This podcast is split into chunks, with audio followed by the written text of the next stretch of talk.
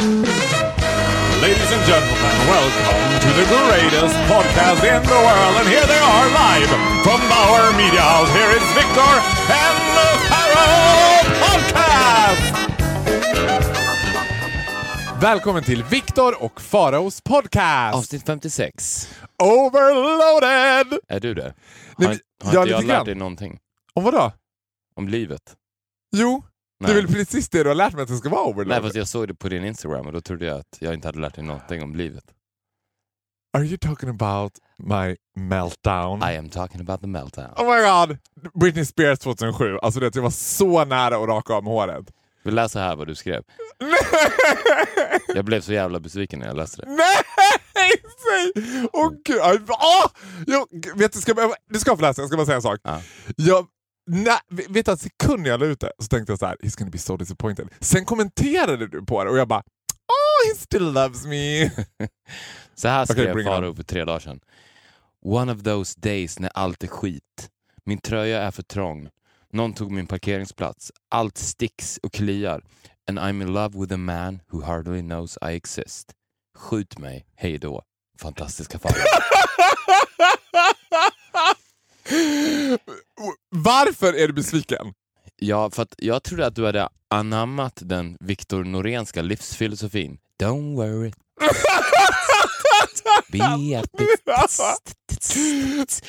Det är verkligen det du har gjort ett namn på också. Ja. Han är alltid så perky. Alltså vad är det med den Victor? Pigg och glad hela tiden. Men jag- Even though the evil resting Jag fick, jag fick en idé då, för att du har ju pratat så jävla mycket om din själavård och Mm. dina Min terapisamtal. präst hade inte tid den här veckan. Och That's- vi har ju även pratat om att det är så lätt att göra de här jobben som egentligen kräver åtta års utbildning. Till exempel terapeut. Så då skulle, tänkte jag att jag skulle kunna ha ett litet terapisamtal och se om jag kan spöa din präst och terapeut i den här podden. Nej, men inte nu. Nu känner jag mig på ett himla gott humör. Det är därför jag... Det här kommer ju få dig på ännu bättre humör. Jag, skulle, jag trodde att jag hade lärt dig hur man skulle leva för att slippa sån här skit. Ja, men okej, låt mig förklara det nu utan att ta ner det på något sätt. Mm. Alla, det är bra att ha såna där dagar. Det där var en dag when everything When worst turn to worst. Och då tänker jag att det bara är bra att rida ut stormen. Jag tror ju också, och jag är en förespråkare, no matter what you say, att det är bra att bryta ihop och gå vidare ibland. Att man bara behöver så här, bryta ihop, så cleanse myself. Och så gå vidare. Men vem, vem är den här killen som du är in love with who hardly knows you exist? I do know you exist. Ska jag säga vem det är? Ja. Uh, you- You're gonna be even more disappointed now. Ja, vem är det då? Det är ingen kille. Det är bara så här, när jag satt där och lyssnade, jag stod där på Ordsmässan så lyssnade jag på en eh, Amy Winehouse-låt och bara I'm in love with the man who hardly know I exist. Och jag bara, oh, vad fint. Men jag tänkte också, är det höjden av att vara patetisk att go public on Instagram med också en bild som hade gett Lars Norén sprutorgasm om han hade sett den där bilden. Det ser ut som vilket omslag som helst av vilken Beck-film man någonsin har sett. Den gav ju Victor Norén en reverse sprutorgasm.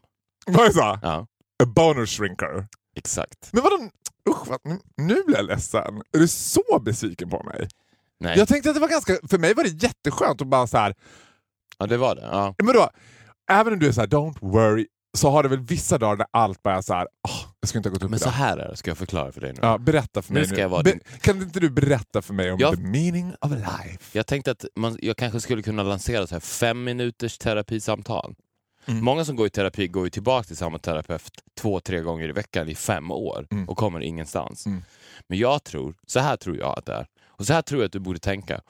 Det viktiga är ju att, för att när du går till de här terapeuterna Mm. och till de här prästerna och de här så kallade ut... Älskar också att du får det verka som att jag springer non-stop där psykiatrin står maktlös. Vi träffar Farao Groth. Det är väldigt många som gör det. Sankt Göran bara, vi kan inte göra någonting. Får, men det, det du inte får glömma är att de är också bara människor. Du, din hjärna, har precis samma potential som de har. Ja. Men du känner dig hopplös och tror då att du ska hitta svaret hos andra människor Ja. som ska berätta för dig hur du ska göra. Men det kan du skapa själv i ditt eget huvud. Okej. Problemet är att du måste separera dig själv och ditt psyke mentalt, alltså som en mind game. Så att du ska föreställa dig den perfekta fara och grot, överjaget. Tänk dig dig själv att du vaknar upp en sommarmorgon och du är sådär krispig, lätt solbränd, vita tänder, ganska smal och bara flyger ut. Du vet sådär fantastiskt som du kan vara. Ja. Du och har- framförallt sådär krispig som bara jag kan vara. Ja, men, ibland är du det. Ja. Men om du kan ha, ha, har du den personen i ditt huvud? Jag ska se om jag hittar den. Ja, solbränd, vitt linne, glad. Alla Mm. meningar du levererar levereras med en sån perfektion. Det är bara en sån dag. Mm. Ja. Det är överjaget Faro Groth. Ja. Och han äger ditt psyke. Ja. Så att, och han är din terapeut. Du behöver inte gå till någon annan. Och han finns i dig. Han finns konstant med dig, överjaget Faro Groth. Ja. Men sen så har du ditt psyke som konstant försöker förstöra för det här överjaget. Ja. Men det gäller att få överjaget att ta makten över ditt psyke. Men så, så psykiskt instabil är ju inte det. Verkar som att bara, jag förstår vad du menar. Men det, that's the road to pure happiness. Men menar du då att du 365 dagar om året lever pure happiness? Nej. För att jag tänker så här. Jag tycker att det finns en enorm eh, vad heter det, sanning och styrka och kraft i det du säger. Men jag tycker fortfarande att ibland är det skönt. Det är inte som att jag är ett walking meltdown. Alltså det är inte Åsa Romson impersonator just nu. Men, not, not yet. Not yet, but maybe I'll go there.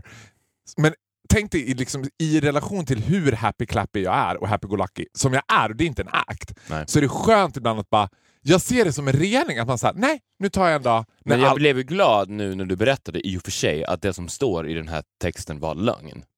ja, men du trodde att jag var olyckligt kär. Ja, men det, det men vadå, står- var det så att du trodde att jag var olyckligt kär och blev lite ledsen för min skull då? Nej, men jag kände bara såhär, nej Faro, vad fan. Ja men vet du vad, så kände jag också. Vi har ju pratat om, om vikten av att, att inte lägga någon värdering i nostalgi och så vidare. Allt, allt det som... Vänta nu här, trodde du att det här var a blast from the past som jag bara reminissade om? Men allt är väl the past? Ja, ja allt är väl the past. Ja. Ja, men det var inte som att jag reminiscerade om min future husband. Att jag, bara, jag föreställde mig en man som jag skulle träffa i framtiden som inte skulle vara kär i mig. Men så här, jag köper det du säger. Jag, däremot tror jag själv på att ibland kan det vara skönt att bryta ihop, gå vidare and as you wrote on my Instagram, when you walk through hell, walk faster. And I did. This was one day and one day only. The day after was a happy clappy day. Vaknade du upp då som ditt överjag? Ja! Gjorde du det? Men det är det man gör. Alltså jag gillar ju att gråta till exempel, Mm. för att när man gör det så är det mer som en rening. Och då hittar jag ju också så ritualer som jag gör. Och nu min, min nya ritual, alltså det är super pathetic but I love it. Då är det så här, när jag, då sitter jag, alltså jag är ju också the Oscar goes to, du vet. Jag gillar ju den stora ryska dramatiska teatern. Så jag åkte ut dit till Hornsbergs strand och det var så här grått, det var så dis, spegelblankt vatten, simmade två änder. Du vet. Och där stod jag och började tänka på Josefin Nilsson. Aha. Ja, och så började jag tänka så här. Och så blev jag helt besatt av den tanken. Jag bara, hon var den enda som förstod mig. Du vet, och, och så satt jag i bilen och lyssnade på det. här. De har gjort en monster De har ju två monsterhits, I'm Singers. Men Mm. Den största är den här som har sönderspelats på alla skolavslutningar. Läs så här, snygga tjejen i 8B som kunde sjunga, inte jättebra, men typ lite grann. Och fick sjunga i kyrkan. Se mig för här är jag. Och där satt jag! Är det ett gay anthem? Nej, gud nej. Är det inte? Nej. Det borde det vara. Ja, ja, den är inte tillräckligt powerful. Den är ju bara gråtmild. Ja. Alltså det måste ju vara så här. Everything I hate, Den kanske är... everything you do. Den kanske är ett gay anthem för de bögarna som aldrig kommer ut ur garderoben och stannar kvar, och som aldrig lämnar Borlänge för Stockholm, utan sitter kvar där. Tänk om du är... Du menar att de här bögarna som nu har, ingen nämnd, ingen glömd, fru och barn Precis. och jobbar på Ica Maxi och kanske De- sitter där och bara För dem tror jag det är Låt mig få komma nära. som sitter i skärken på ICA Maxi. Under tiden du skivar upp en chorizo så bara Till era hjärtan så som den jag är. Men I'm with singers, okej, vi ska avsluta det där bara. Så då satt jag där, cleansed myself och gick vidare. Mm. Och det var så skönt. D- Det kommer in på, vi ska komma in på nästa ämne. Jag ska bara ah, säga en sak. Det här resulterar nu att I'm Busk Singers har blivit min nya guilty pleasure. Har du hört Jag mötte Lassie? Om jag har hört den? Oh ja. Det är klart du har hört den. Ja. Men den gruppen som kommer undan med låttexten Vi gick tass i hand och i mitt hjärta kändes voff. alltså förstår du när, så, när de satt liksom på Fårö och jobbade fram den texten bara Vi gick tass i hand och i mitt hjärta kändes voff. Voff, voff, ja men voff är bra. Voff, vi tar voff. det var ju en monsterhit.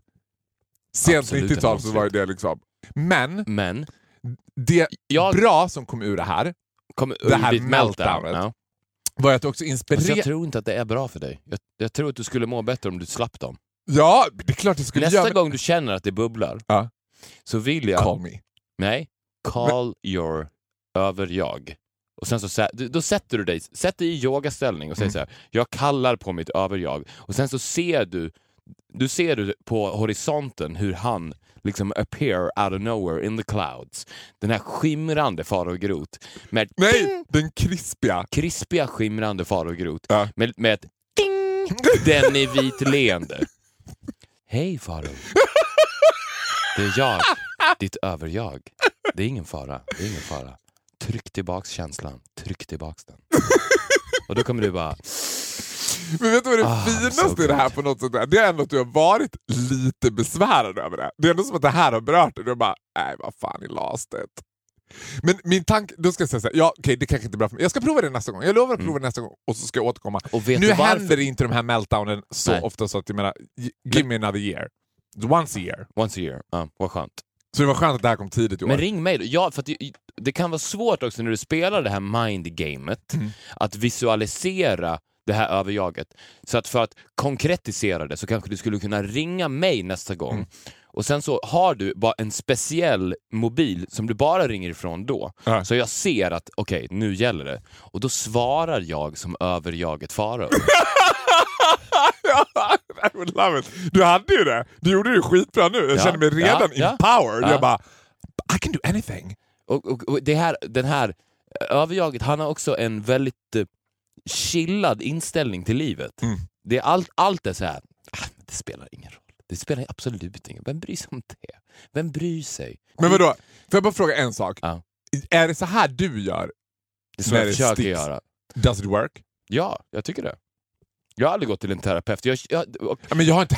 Det är inte som att jag jag har springer... inte gått till själavård heller och jag är helt övertygad om att den potentialen finns hos alla människor att vårda sig själva på det sättet mentalt. På samma sätt som att du, du kan ju faktiskt fysiskt, det har jag, jag har gjort någon gång, fysiskt trycka bort en huvudvärk. Ja, Bara det- genom, bara, ja. pre- Precis på samma sätt. Det är ganska svårt, men du kan göra det. Mm. Och det, Man vänder ju sig alltid till andra människor när man mår dåligt. Mm. Men egentligen finns det ingen poäng med det eftersom de, de har samma kapacitet som du har. Plus att jag upptäckte när jag var där, det finns the second you're not on your peak, people turn their back against you. Alltså det, du, de, I didn't. You didn't, but a lot of people did. Alltså så här, it goes both Oscar ways. Pff, Let's talk, not talk about Oscar Sia. It's over. It's officially over. I'm so over him. He hardly knows I exist. Bitch. Bitch. Nej men det finns två sidor av det. Dels var det så här, when you go public. Jag har ju Ja. aldrig lagt ut någonting på Instagram som fått så mycket kommentarer. And I loved every single bit of Hang it. in there. Hang in there, keep fighting, be strong. Och, och min favorit, styrkekramar. Vad är en styrkekram egentligen? Ingen har du aning. fått en styrkekram någon gång? Nej men det känns som att bli kramad av en gladiator typ, tänker jag mig. Jag vet inte vad det skulle ge en. Alltså, ja, den, är, den är ännu mer fysisk, den är hård alltså. En styrkekram. Jag vet För inte. att det känns som att det är ju en kram, jag tror att om man ska ge en styrkekram, då tror jag, så- här tror jag att en styrkekram fungerar. Mm. Att jag ger dig en kram, och sen så viskar jag i ditt öra, styrkekram. Man kan inte du alltid göra det när du ser Kan du inte också viska det sådär? Styrkekram. That's our thing. Det är bra som... Vet du, vet, vad, det, förlåt, men det borde man ju göra någon gång, bara, bara randomly, när man träffar någon man känner. Nej men hej, är det bra? Styrkekram. Du borde göra det. Jag Om jag göra det. gjorde det skulle du bara, ja ja, så det kameran. Jag ska göra det på torsdag nästa gång jag träffar American Elite-ensemblen. Nej! Det skulle in öppna dörrar. Du ska göra det på någon som skulle bli så obekväm med. De hade ju bara My God! Burst into tears. Då hade du öppnat liksom a whole cane of craziness som du Okej, sa det. vem, vem är den mest, den så att säga bästa personen att göra det på då? Erik sa det. Erik Saade. Nästa gång Nästa du träffar gången Erik sa det så kramar man honom och bara styrkekram. och så här, helt okommenterat. Som, för han kommer ju tro då att Jag träffar honom imorgon, something bad is happening. Han kommer ju tro att någonting är i görningen och du bara styrkekram. Lova att göra det nu också, jag för du kommer behöva återberätta det Ja, här jag gör nästa det. avsnitt. Det gör det. Det som jag skulle komma till hundra gånger, det är bra som kommun är, för jag, jag tycker i alla fall alltid att det kommer något bra i de här eh, sammanbrotten liksom, och gå vidare, är att jag blev inspirerad över du vet när du sa att jag skulle städa min garderob, och det har jag ju gjort liksom, och har ju nu ungefär fyra plagg som jag använder. Mm. Var att jag också kom på så här, jag måste ju städa bland mina vänner också. Jag kom på att Facebook är som en enda stor bårhus av gamla vänner som ligger och bara I'm still here. I'm still hanging in there. Det jag bara, jag har inget intresse. Du vet, eller du vet inte kanske, men jag har 4000 dussin relationer med folk som jag bara liksom maintain. Mm. Det, jag bara, det, gives me absolutely nothing. Men får jag fråga en sak då? Och, ja. Gör du så här då? Tar du bort dem som vän eller slutar du följa dem och behåller dem som vänner? Nej, nej. What I did, jag skrev ett brev där jag liksom gjorde slut med dem rent praktiskt. Och sen tog jag bort dem. Aha. Förklarade sig, no Vad hard fint. feelings. Ja, men du vet, vad vi har haft har varit i the past. För det är också någonting med så här, som en partner som alltid, du vet, I don't believe in the shit av att vara kompis med sin partner. Det tror jag bara är ett långsamt farväl. Det är just for crazy people. Och samma sak tror jag att det är med vänner. Att, och grejen är att ofta så funkar det där för mig until Facebook came along. Att man har så här, jag har mina vänner jag hade i London, jag har mina vänner jag hade i Rom, jag har mina vänner jag hade i Borlänge. And it's done. Mm. Det blir bara när Men man det blir ju nostalgitrippande och det är har ju du och jag gemensamt att det hatar ju. Ja, det är totalt onödigt. Det är, som att för, det är som att stoppa sitt förflutna i sin framtid hela tiden. Egentligen så borde man ju på Facebook bara vara kompis med dem. Alltså om Facebook på något sätt kunde bygga upp ett system att man blev kompis med potentiella vänner i framtiden. Så den kunde räkna ut att era vägar kommer antagligen, enligt våra kalkyler, korsas någon gång. Mm. Därför är ni vänner på Facebook. Och sen när ni blir vänner in real life så bryts Facebook-vänskapen. Mm. Det hade ju varit det absolut bästa systemet. Ja, absolut. Så att jag till exempel skulle vara kompis nu då på Facebook med Oscar Sia. Mm. Jag, jag, jag och Oscar, så här, you have a new friend, Oscar Sia. Aha, okej. På grund av att han och Faro har någonting på gång. Så det finns en chans att era Men vi vägar... har inget på gång. It's over. Had, ja, precis. Ha, ni hade, men för två veckor sedan. Ja, you, a new friend added, Oscar Sia. Aha, okej. Ja, det är via Faro. Okej, förstår. Och nu har han försvunnit då från Ja. min väg. Och nu dyker det upp någon ny. Men vadå, Kille. hur stor chans tror du att det är att you possibly would be friend med Oscar Sia? Jag har lite svårt att se det hända. Att du, ja, I och för sig nu när du har blivit ditt nya musikal-jag och happy clappy Don't gay worry, straight way. be happy. ja, så kanske ni kommer get along so well. Nej men han är ju over and out. I'm on your side. Fuck you Oscar. du vet att han lyssnar på den här stackaren. Nej, men, men, nej men ni vet inte vad jag skulle säga. Vadå? Nej, jag vet inte.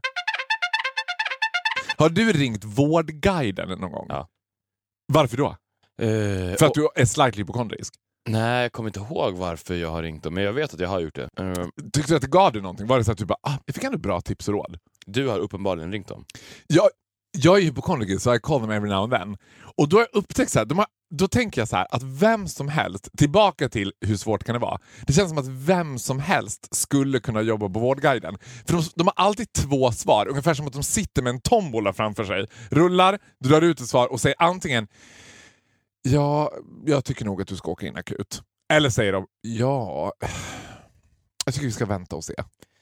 Det är Fast- de två svaren jag har fått varenda gång. Åk in akut eller vänta och se. Men grejen är den, de måste ju näst, vänta och se, visste jag inte att de sa, men däremot vet jag att de ofta säger att det är bäst att du åker in.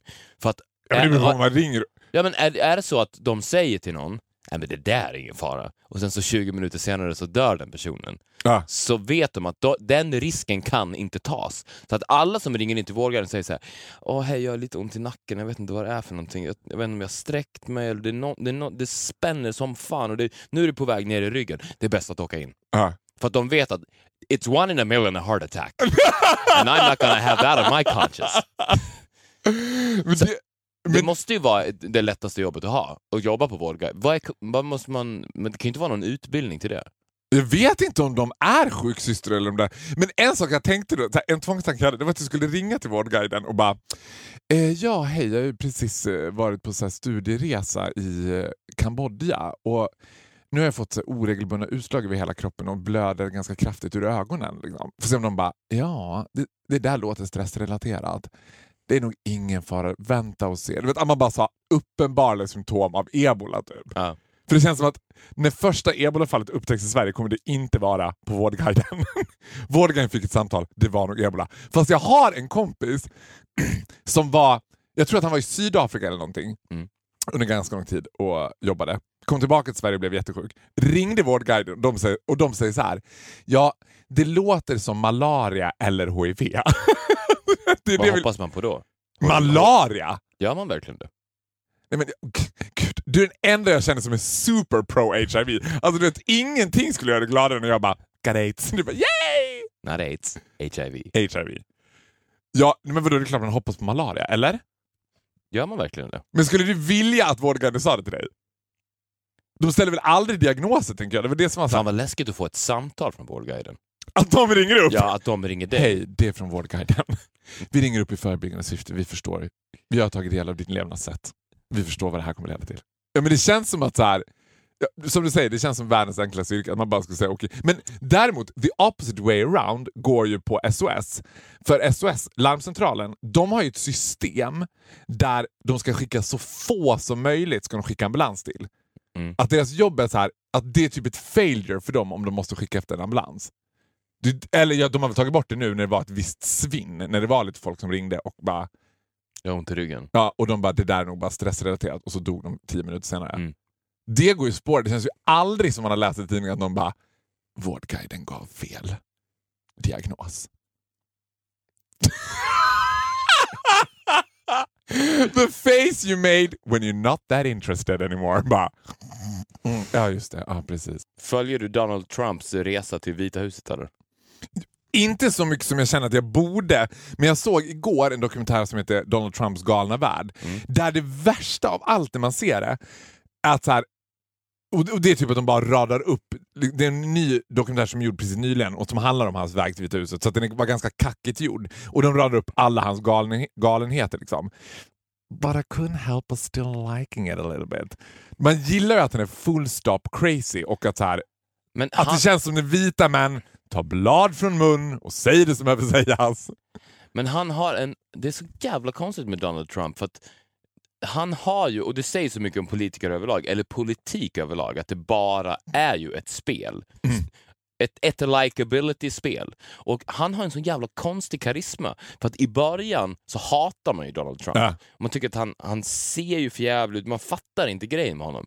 Men jag, jag har följt det ganska, jag, jag, jag blir fascinerad av det, så jag tittar på det, tittar på det, tittar på det. Och, och han har ju en sån jävla karisma alltså, som är obehaglig.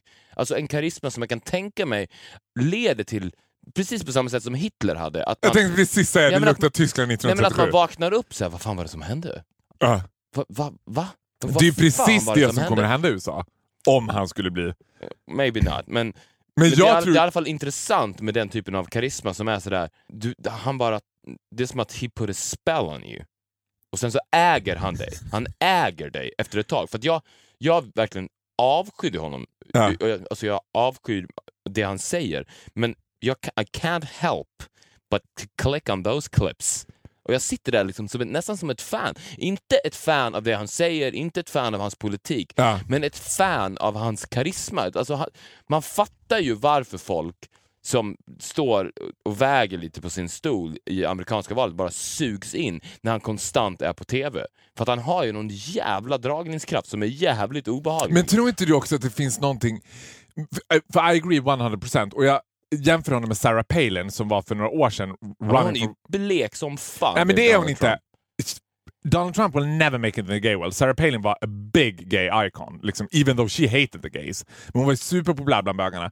Och jag tänker att när folk säger totalt vansinniga grejer, men med en sån övertro på sig själva att så här, men, Tyskland 1937, att man så hittar något som är helt galet, men man levererar det med sån karisma och sån så här, övertro på att det man säger är sant. Så till slut sitter man själv och bara Och det här, men det här är också en ny, det är en annan typ av karisma. En, det här är en karisma som står över karisma. Det här är inte bara en karisma att man kliver ut på scenen och folk är såhär åh, han har sån karisma, kolla, va, kolla på, alla tittar på honom. Utan det här är de här liksom tränger in i dig Ja. som en demon och sen så blir du inte av med honom. I've been trumped. I've been trumpetized. Trumpetized. I've been trumpetised. Bam! You've been trumpetized. Det skulle vara en bra... Men en annan sak också som jag tänkte när jag såg den här dokumentären som har eh, liksom legat med mig hela dagen, är att jag tror också att om i det liksom osannolika fallet att han skulle bli USAs nästa president, Mm. så tror jag att han skulle säga nej. Jag tror att han skulle bara, jag tror att allt är en PR-kupp. Jag tror inte riktigt att han vill bli president. Han vill bara prova för att se om han kan. Men i Ja. sekunden han blir det så bara, äh, gud jag har andra saker för mig. Det här liksom, det kommer innebära mycket mer begränsningar för honom än vad han skulle vilja. Jag tror att du besitter den karisman. Tror du det? Ja, en Trump-karisma. För vi har väl aldrig sett det i svensk politik? Säg en svensk politiker som ens är nära det. Nej, finns inte. Det finns ju inget, de är bara så här. svenska politiker är lite trumpna och liksom... Carl Bildt hade ju lite av det, att han var, han var likable. Alltså folk som inte var höger gillade trots allt lite Carl Bildt. Ja. Och det är också lite svårt att sätta fingret på men det är väldigt light-variant av det Trump har. Men- han är ju inte lika crazy heller Carl Bildt Men det har inte med crazy att göra heller. Jag tror Donald Trump skulle kunna säga vad som helst egentligen. Han tränger in i dig. Så att det blir... Trumpetized. Ja, men då måste vi ge mig en challenge. Shall I run for president? President blir svårt. Då måste vi först störta kungahuset. Ja, men det jobbiga är, ja jag vet. Och det jobbiga är att jag måste starta ett parti annars. Om jag ska bli politiker. Ja, alltså, men jag är statsminister och... Om jag ska bli statsminister. Och det kommer att ta så himla... För det finns ju inget parti som jag kan joina Nej, riktigt. Gayfi. Men, men du tycker inte att Göran Persson har lite av den grejen? Jo, Eller hade lite. lite. För han var också så här.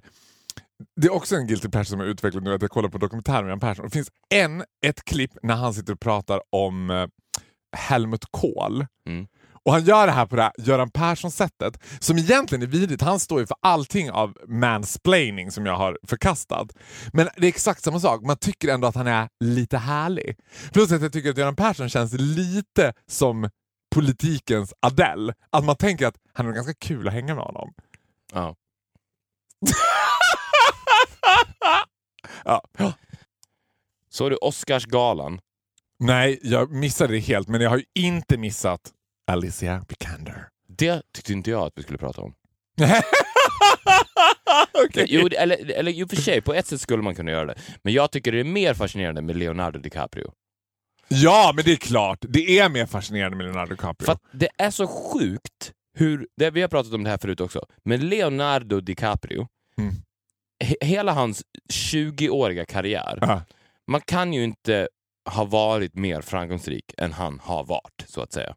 Under hela den perioden. Ja. Han är ju kanske den Och mest... är väl? Och är ja. Han är väl en av de mest framgångsrika skådespelarna de senaste 20 åren. Mm. Och nu, nu framställs det som i sociala medier, i alla typer av medier, även typ via han själv, att det är först nu han har vunnit. När han får en statyett av någon jävla jury Ja. som har sagt att vi tyckte att du var bra i den här filmen Leo. Ja. Men vad är det för sjukt? Alltså han... Hur, Men hur var kan- han ens Oscarsnominerad för Titanic? Han har varit Oscars-nominerad flera gånger. Men jag fattar inte hur det, kan vara, hur det kan betyda så mycket. Kan någon förklara det för mig? Kan du förklara det för mig? För har det att göra med människans dåliga självförtroende? Att till och med Leonardo DiCaprio inte kan känna att han är lyckad för en, för en, en jury säger att du får ett pris av oss för vi tyckte att du var duktig. Ja, men, och det värsta liksom för hans del var att när man har gått och väntat på det sådär, som det framställs som att han har gjort, så blir det nästan som att han får det som För lång och trogen tjänst. Ja, som Ja. att så här, äntligen Leonardo DiCaprio. Som att juryn satt och bara, alltså han var ju inte bäst i år, men ja, vi blir tvungna. Men Ja. det, vi är tvungna just nu. Alltså, du vet, det har varit så mycket uppstånd, uppståndelse sen Oscar All White, så att vi får ge priset till Leonardo DiCaprio. Men, Och- är, men är inte det ett sjukt fenomen? Eller? Är det bara jo, jag? det är ett jättesjukt fenomen. Men, sådär. men vadå, tycker du skulle det vara lika sjukt fenomen om det var folkets pris? Att folk fick rösta fram vilken som fick en Oscar? Nej, det hade väl varit... Då hade man ju förstått det. För att, men man undrar så här, vem gör han det för? Eller vem, vem gör... Var, varför vill folk göra det? Varför vill de göra film? Är det för att bli uppskattade? Men jag tänker också så här med sådana repriser. Han måste ju så här, dagen efter när han vaknar upp efter efterfesten, man kan liksom ponera att han var ganska sliten, tänker man ju. Vaknar upp där, då måste han känna sig jävligt tom alltså. Det måste vara som efter en premiär, att han bara, jaha. Ja, Ja. men speciellt speciellt när det, när det verkar som att han, för att de, de har ju gjort här collage från en tidig Leonardo DiCaprio som sitter och är 17 år och pratar om hans vision om att vinna en Oscar. Och sen så går det 25 år och sen så vinner han en Oscar. Han måste ju, precis som du säger, vakna upp efter efterfesten, sitta och hålla i, i den där och sen tänka så här, var det här allt? Ja, Var det här allt? det, men det, Är det det här jag har kämpat för Ja. i hela mitt liv? det måste vara det absolut sjukaste antiklimaxet ever. Och du vet, det kommer dröja ett till ett och ett halvt år innan den där Oscarsstatyetten ligger i någon flyttlåda någonstans när han tappar bort den och bara ja. Vad är nästa mål? Liksom? Vad sätter man upp för nästa mål när man har vunnit en Oscar? Men var det hans mål? I don't know, men det framställs Det ju som framställs att... som att det var det, det enda framställs- anledningen till att han gjorde... Alltså när Leonardo DiCaprio var sju år Mm. och gick på sin första barnteater Mm. så var det bara Oscar. Ja. Bara Oscar som gällde. Alltså har Leonardo DiCaprio ett väldigt, väldigt dåligt överjag? vet du vad? I believe so. I believe so too. Jag tror att det är ganska vanligt att de har det av den där. Alltså, Ja, för att, för att hans överjag kan ju uppenbarligen inte uppskatta saker och ting. För att, för att life's short, right? Mm. Livet är kort. Han har haft så jävla mycket saker att, att vara glad över. Han är privilegierad. Han, han är snygg. Han var snygg i alla fall. Mm. Han, han var snygg, han var framgångsrik, han fick allt i hela världen. Men hans överjag, girig jävel, Mm. kunde inte bli nöjd. Men det är det som problemet med överjaget är väl att överjaget lätt tenderar till att bli greedy. A greedy bitch. A greedy Ja. bitch. Att man så här mycket vill ha mer. När överjaget har, alltså, det är det jag oroar mig lite för när du säger att jag ska presentera. Den här krispiga Farao får jag heller aldrig nog. Alltså den... Fast han, när jag visualiserar ditt överjag jämte Leos överjag, Mm. Så tycker jag ditt överjag är så jävla mycket mer sympatiskt. För att jag, när jag ser Faro, ponera att Faro Groths eh, överjag och Leonardo DiCaprios överjag skulle komma hem till mig. Mm. Så skulle ju jag mycket hellre släppa in Faro Groths överjag. För han är ju en trevlig, snäll kille. Så, nej, men som, som är positiv. Ja. Som är som kommer in och säger hej! Och, och bara lyser upp hela lägenheten. Och nöjer sig. Nej, men jag behöver ingenting. Ja. Och Leonardos överjag knackar på och bara, vad fan finns det i kylen? Liksom, jag Ja. vill ha mer, mer, mer, mer. När senast tyckte du att du var... När senast tyckte du att jag var mitt krispiga överjag? Gra- Grammis. ja, eller hur? Det var precis det När jag, mötte dig, nej, men när jag mötte dig i trappan, det var ju som att jag såg den här, Messias. ja, Dagen är kommen. coming up from the horizon. Kärlek triumferar. Ja, det, jag Ja. kände mig också ganska krispig då. Men jag kände mig krispig sekunden jag träffade dig. Jag vet inte om jag gick runt och kände mig så krispig innan. Men gud, nu känner jag att vi kanske måste ta oss an Leonardo DiCaprio. Vill man inte hjälpa honom stackarn? Ja, men, Det finns ju... är han on the edge nu? Det var precis det jag tänkte. Är det Britney 2007? Kommer han nu att flippa? Är det som att nu har han... Nu kommer överjaget ta över och mycket vill ha mer. För att Leonardo DiCaprio har ju också, han har alltid blivit stämplad som den här eviga ungkarlen som never slows down. Han Ja. har ingen familj, han har inga barn. Det har, det har ju varit en konstant jakt känns det som på den här Oscaren. Ja. Det är därför han har, så att nu är det ju flip mode på honom tror jag. För att om du jämför till exempel när han fick en Oscar versus Alicia Vikander Mm. så tänkte man med Alicia Vikander som att ah, nu är Heaven's Gate öppen för henne. Nu är det som att hon, nu kan hon göra vad som helst.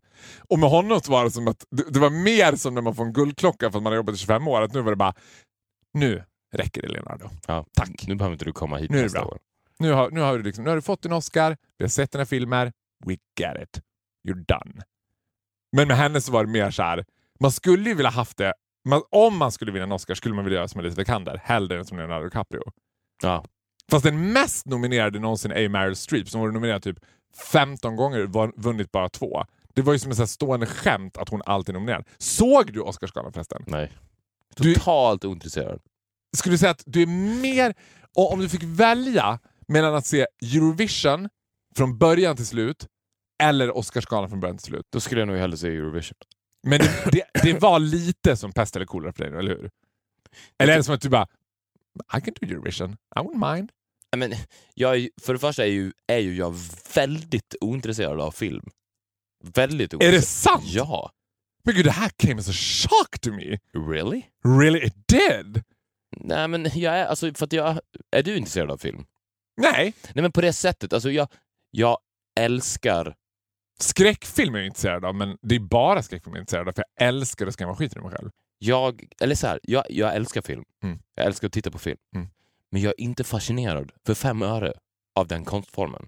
Nej, det kan jag hålla Förstår med du om. vad jag menar? Det kan jag hålla med om till 100%. Jag kan heller inte Jag skulle, förstå... all, jag, sk- alltså jag, jag skulle inte bli starstruck om jag såg Leonardo DiCaprio. Inte alls. Jaha, Nej. okej. Hej! Men jag, Hej. jag tänkte... hej! Hej! Jaha, okej, hej! Därem- Däremot om jag såg hans överjag, då skulle Ja. jag bli starstruck. Skulle du det? that's a greedy bitch. Men, men vad är det man ser? Leonardo DiCaprio eller hans överjag? Man vet inte Ja, när... nu kommer man ju se hans överjag. Bara. Ja. Om du, om du, om du, Jag älskar också att du, skulle in- se Leonardo DiCaprio när han är i Sverige, ska promota en film, hänger på Stureplan, du ska se dem, du skulle bara hej, hej, hej, jaha, hej. Så här tror jag, om, om jag skulle komma in på ett fik på Östermalm Mm. och sen så ser jag någon som står längst fram i kassan och beställer 25 kanelbullar. Ja, Och så sen så vänder sig om och så är det Leonardo DiCaprios överjag. sant? Greedy bitch! Han förvandlas ju inte Jack Nicholson också. Det är Ja, det man tänker ja. att det är, så han, det är den futuren han har. Skulle du aldrig tänka så här, drivs du alla tankar bara that one selfie, just gonna take one selfie. Men det som är så konstigt med skådisar är att man har ju ingen relation till dem som människor eftersom de är skådisar. Det- Nej men det är det jag menar man Ja, ska men det, är det, det, men det är det som är så sjukt. För att De jag är ju som seriefigurer, Ja. de är helt men så är det väl med artister också? Ja, på ett sätt, men de, de är ju, det har vi pratat om förut, att de är ju uttalat i en roll. Så att Leonardo DiCaprio, om jag skulle träffa Jack från Mm. Titanic, då hade jag blivit starstruck. Ja men mentalt är det ju det man gör. Nej, det är ju inte det. Det Nej, är men ju inte han. Det är, nej jag vet, men varenda tonårstjej som var kär i Leonardo DiCaprio var ju inte kär i Leonardo. DiCaprio. De, me included, de var kär i Jack Dawson. Ja, det var det som var problemet. exakt. Att man, så här, och han kommer man ju aldrig träffa. Nej, men om, ju- om ponera att om, Om man inte köpte honom som roleplay, om det gick att så här, köpa dem på rentboy.com och bara jag vill ha Jack Dawson. Leonardo DiCaprio spelade Jack Dawson för en kväll. Gud vilken, what a fantastic first date. Tänk att gå på first date med Jack Dawson från Titanic. Men nu när han är plufsig också. Nej men inte, ja, nej det hade varit ja, tränga i sig den där kostymen och bara if you jump up, oj förlåt, if I jump, ja fan. Nej, man skulle, tänk att få gå på dejt med honom när han var Jack Dawson så. Att han skulle spela det hela dejten, det hade varit, då hade man kunnat dött. Då hade jag ju åkt till Västerås direkt efteråt. Men det hade han, varit som att vinna en Oscar för mig. Jack Dawson, Mm. är han den personen i världshistorien som har dyrkats mest av tonårstjejer men som har haft minst procent som vill ligga med honom? Men tror du att folk vill ligga med Justin Bieber? Ja, absolut. But not even I want to have sex with Justin Bieber. I think it's... Well, you're weird.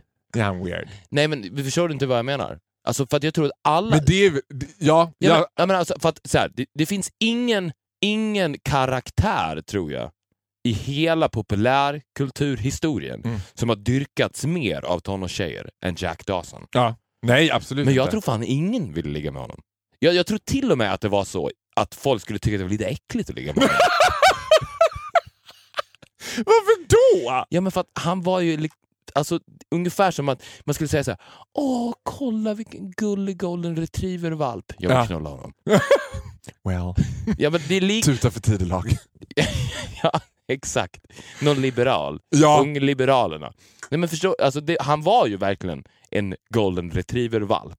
Det var ju de känslorna som, som skapades i alla... Men tror du att han var medveten om det själv? Hur gammal Nej. kan han ha varit när För jag tänker att här, det det värsta som kan hända den där typen av kille, Jag inte det. especially Leonardo DiCaprio, är ju att han gör en sån här Because film, he still had a man's mind. ja, fattar att han kommer bli flickfavorit, men precis som du säger, de vill ju knappt peta på honom. De sitter och tittar på honom. Exakt. Jag... Jag, Helst ha honom i en liten så här, att Ja. han kan ligga på en filt och de kan bara sitta och titta på honom, de kan kasta lite kex som han tar i munnen. Liksom. jag tror att Leonardo DiCaprio, jag får en känsla av, i alla fall, jag har ju bara sett honom på film, jag, jag tror jag knappt har sett en intervju när han har spelat Leonardo, eller spelat, när han har varit Leonardo DiCaprio. Men jag får en känsla av att han är kind of an asshole. Och jag tror att när Leonardo DiCaprio gick ut med, han fick ingen Oscar då, men han gick ut från, han var nominerad till Titanic och skulle på efterfesten och bara I'm gonna cash in on some pussy.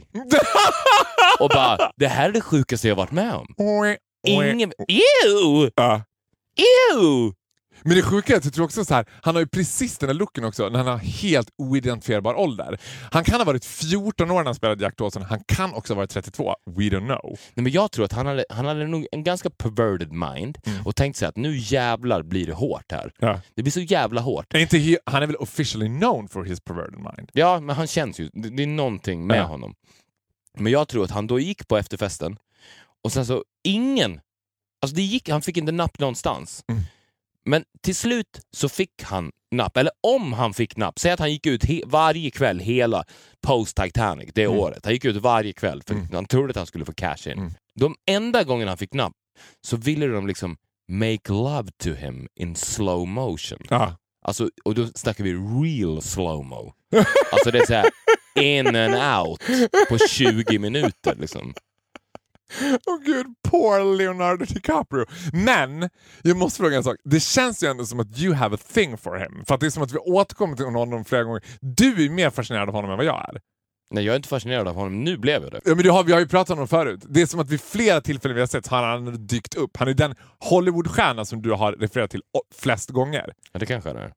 Är han populärare tror du bland straighta killar än bland bögar? Men nu är han väl inte det? Populär bland straighta killar? Nej, men Det han, är väl nu är han han ens är det. populär längre? Nej, det tror jag inte att han är. Ja, eller jag, I don't know, I ask you. I ask you back. Ja, och grejen är, we will never know, för nu kommer det vara over and out för Leonardo DiCaprio. Han har gjort sitt. Men han var väl ganska populär i den här Great Gatsby. Det kändes som att alla var helt sålda på den filmen. Kanske inte hans karaktär, men du vet hundratusen temafester efteråt som bara “Det är tema Great Gatsby” och man bara “Åh, jag dör hellre”. För folk vill relive that movie. Just like Titanic. Ja, men vill man verkligen relive Titanic? Det, var, det enda jag tänker när jag ser Titanic är fy fan vad bökigt. Alltså gud vad drygt. Men de där kläderna, tunga så kläder, iskallt i vattnet. Det är en ganska jobb... Man tänker så här, ah, drygt. Dryg. Dryg och drygt. Ja, han är, ganska, han är också ganska präktig. Ja, Jack Dawson alltså. Han Ja. är jättepräktig. Men jag säger det, han har ju noll sex appeal. I know. I agree. The unsexiest movie characters of all time. Etta. Ja. Jack Dawson.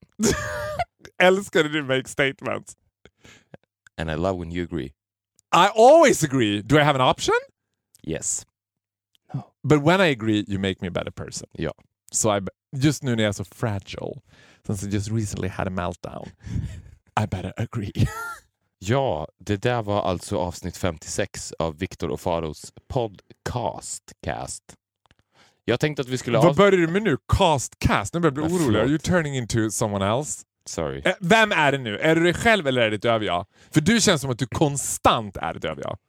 Ja, nu, nu, nu tvekar du. Nu Och blev jag konstant blir offended varje gång jag poängterar att du har övertro på dig själv. Va? Vad menar du med det? Jag tänkte vi skulle eh, avsluta den här podden Mm. med precis på samma sätt som vi började den. Ett terapisamtal. Och det här, jag hittade, Lämna jag, mitt jag, psyke fred. jag hittade en text som passar perfekt för ditt överjag. Ja. Och Det här kan du se som ett mantra som du konstant kan läsa för ditt psyke. Okej. Nästa gång du känner I'm close to a meltdown, ska du läsa den här texten som ditt överjag. Alltså visualisera överjaget Faro rising over the clouds, reading, Rising like a phoenix. reading out loud with pride, den här texten. Farah. Uh, är du, du ska få läsa den själv. Ska jag läsa jag ska tonsätta den. Den är, den är otippad som fan. Det är, kommer ihåg Erik Amarillo? Han hade en, en one hit wonder med en låt som heter Vill du ligga med mig för kanske fem sex år sedan. Försökte följa upp med den här låten som blev en monsterflopp som hette Hallå, vem bryr sig? Okej. Och det är den texten som jag tänker att du ska läsa som ditt överjag till ditt psyke. Mm. Tonsatt av mig. Och sen så kommer du ha det här på band då. Mm. Så att varje gång du känner Som en meditationsband. precis, I'm close to a breakdown. Så sätter jag mig i fosterställning, lotusblomman. Jag läser det här som ett mantra. Tack för att ni har lyssnat på avsnitt 55. 6, Sex. 56. Ja. Maila oss på viktorochfaro.gmail.com och alla ni som känner samma sak som Faro kan ju också anvä- an- använda Samma er av mantra. Då kan jag använda Erik- min röst. Det räcker ju med Ja, att går bara, ta den här delen. Det här är alltså Erik Amarillo, Hallå, vem bryr sig? Reciterad av Faro Groth, tonsatt av mig, Viktor Norén. Tack för att ni har lyssnat. Här kommer den. Du kommer aldrig komma hem ikväll. Du spelar borta match som vanligt. Du kommer säkert bli för full ikväll. Du är aldrig säkert lagom. Men hallå? Ja, vem bryr sig? Ja, vem bryr sig om hundra år? Men hallå? Du kommer följa med någon hem ikväll. Du gör ju alltid det när du dricker. Du går till jobbet med en walk of shame. Du luktar sprit och du är bakis. Men hallå? Vem bryr sig? Ja, vem bryr sig om hundra år? När du är full så kommer sanningen. Du säger alltid vad du känner. Du kommer aldrig ta någon skit igen. För det är nu du måste leva. Leva. Leva. Men hallå,